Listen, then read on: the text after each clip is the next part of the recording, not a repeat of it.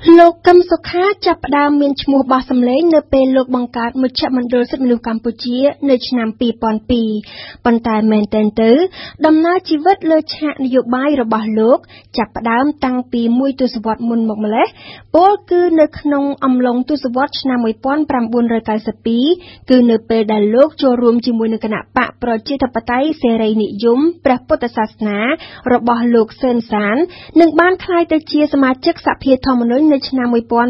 1993លោកកឹមសុខាបានរៀបរាប់នៅក្នុងសៀវភៅការស្វែងរកយុត្តិធម៌នៅកម្ពុជា អំពីមូលហេតុដែលលោកសម្រេចចិត្តចូលធ្វើនយោបាយថា គឺដោយសារតែលោកចង់មានអំណាចដោះស្រាយបញ្ហាប្រទេសជាតិបញ្ហាប្រទេសជាតិកម្ពុជានាសម័យនោះ នៅក្នុងក្រសែភ្នែកលោកកឹមសុខា គឺបញ្ហាសិទ្ធិមនុស្សលោកកឹមសុខាចង់លើកស្ទួយសិទ្ធិមនុស្សព្រោះសម្រាប់លោកសិទ្ធិមនុស្សគឺជាមូលដ្ឋានគ្រឹះនៃការអភិវឌ្ឍ ស្ថិតនៅក្នុងតំណែងជាសមាជិកសភាធម្មនុញ្ញមកពីគណៈបកប្រជាធិបតេយ្យសេរីនិយមព្រះពុទ្ធសាសនា លោកកឹមសុខាបានចុះរៀបចំវេទិកាសាធារណៈជាច្រើននៅតាមបណ្ដាខេត្តទូទាំងប្រទេសកម្ពុជា នៅក្នុងគោលដៅទី1អប់រំផ្សព្វផ្សាយពីបញ្ហាសិទ្ធិមនុស្សទៅដល់ប្រជាពលរដ្ឋនិងគោលដៅទី2ជួយដោះស្រាយបញ្ហារបស់ប្រជាពលរដ្ឋនៅតាមមូលដ្ឋាន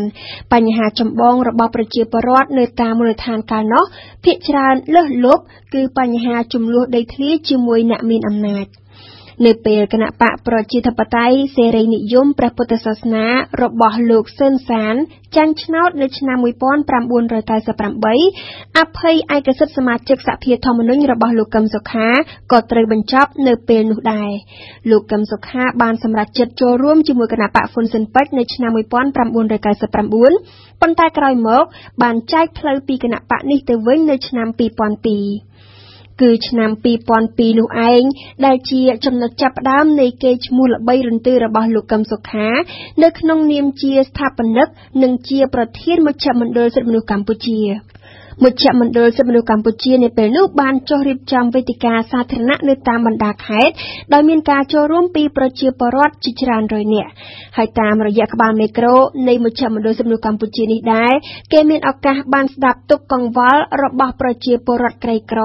នៅតាមទីជនបទដាច់ស្រយាល នៅចុងឆ្នាំ2005លោកកឹមសុខាក្នុងនាមជាប្រធានមជ្ឈមណ្ឌលសិទ្ធិមនុស្សកម្ពុជាត្រូវបានអាជ្ញាធរចាប់ខ្លួនយកទៅឃុំនៅពន្ធនាគារព្រៃសរដោយចោទពីបទបរិហាកេរ្តិ៍និងជេរប្រមាថប្រមុខរដ្ឋាភិបាល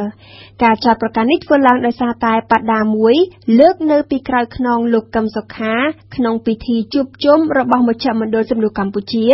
ដែលបដានោះបានចោទប្រកាន់លោកនាយករដ្ឋមន្ត្រីហ៊ុនសែនថាបានលក់ទឹកដីឲ្យវៀតណាម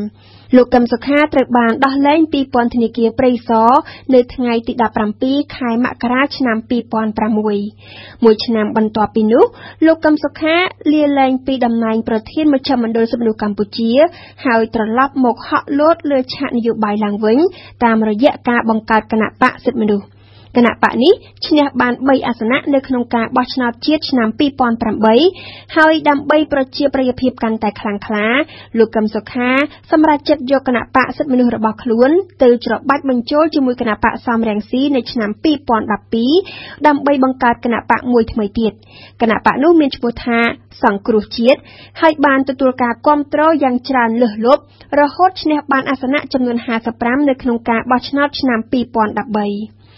ចាប់តាំងពីបង្កើតគណៈបកសង្គ្រោះជាតិមក ជីវិតរបស់លោកកឹមសុខាជួបប្រទះតែរឿងមិនចេះចប់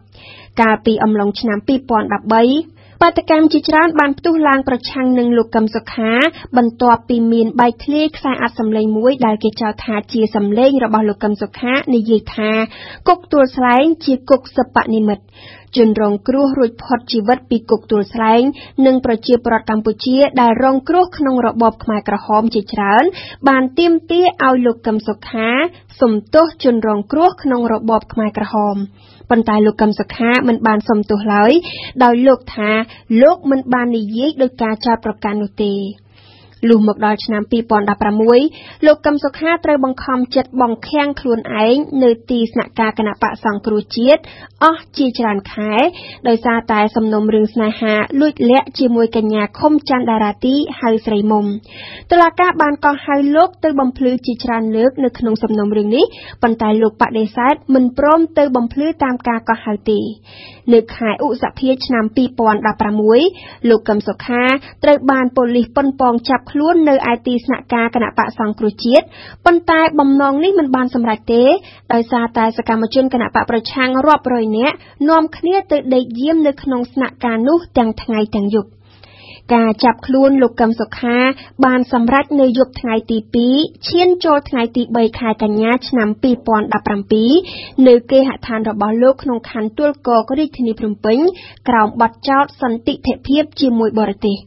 លោកត្រូវអាជ្ញាធរបញ្ជូនទៅឃុំខ្លួនភ្លាមភ្លាមនៅពន្ធនាគារត្រពាំង plong ហើយគណៈបកសង្គ្រោះជាតិដែលមានលោកជាប្រធានកាលនោះត្រូវបានគេរំលាយចោល។ មួយឆ្នាំក្រោយមកចៅក្រមបានបដូរការឃុំខ្លួនលោកកឹមសុខាពីពន្ធនាគារត្រពាំង plong ដោយអនុញ្ញាតឲ្យលោកមករស់នៅក្នុងផ្ទះវិញប៉ុន្តែមិនអាចចេញទៅណាបានទេ នៅថ្ងៃទី10ខែវិច្ឆិកាឆ្នាំ2019លក្ខខណ្ឌរបស់តុលាការចំពោះលោកកឹមសុខាត្រូវបានបន្ធូរបន្ថយហើយលោកត្រូវបានអនុញ្ញាតឲ្យធ្វើដំណើរទូទាំងប្រទេសប៉ុន្តែហាមដាច់ខាតមិនឲ្យធ្វើសកម្មភាពនយោបាយឡើយ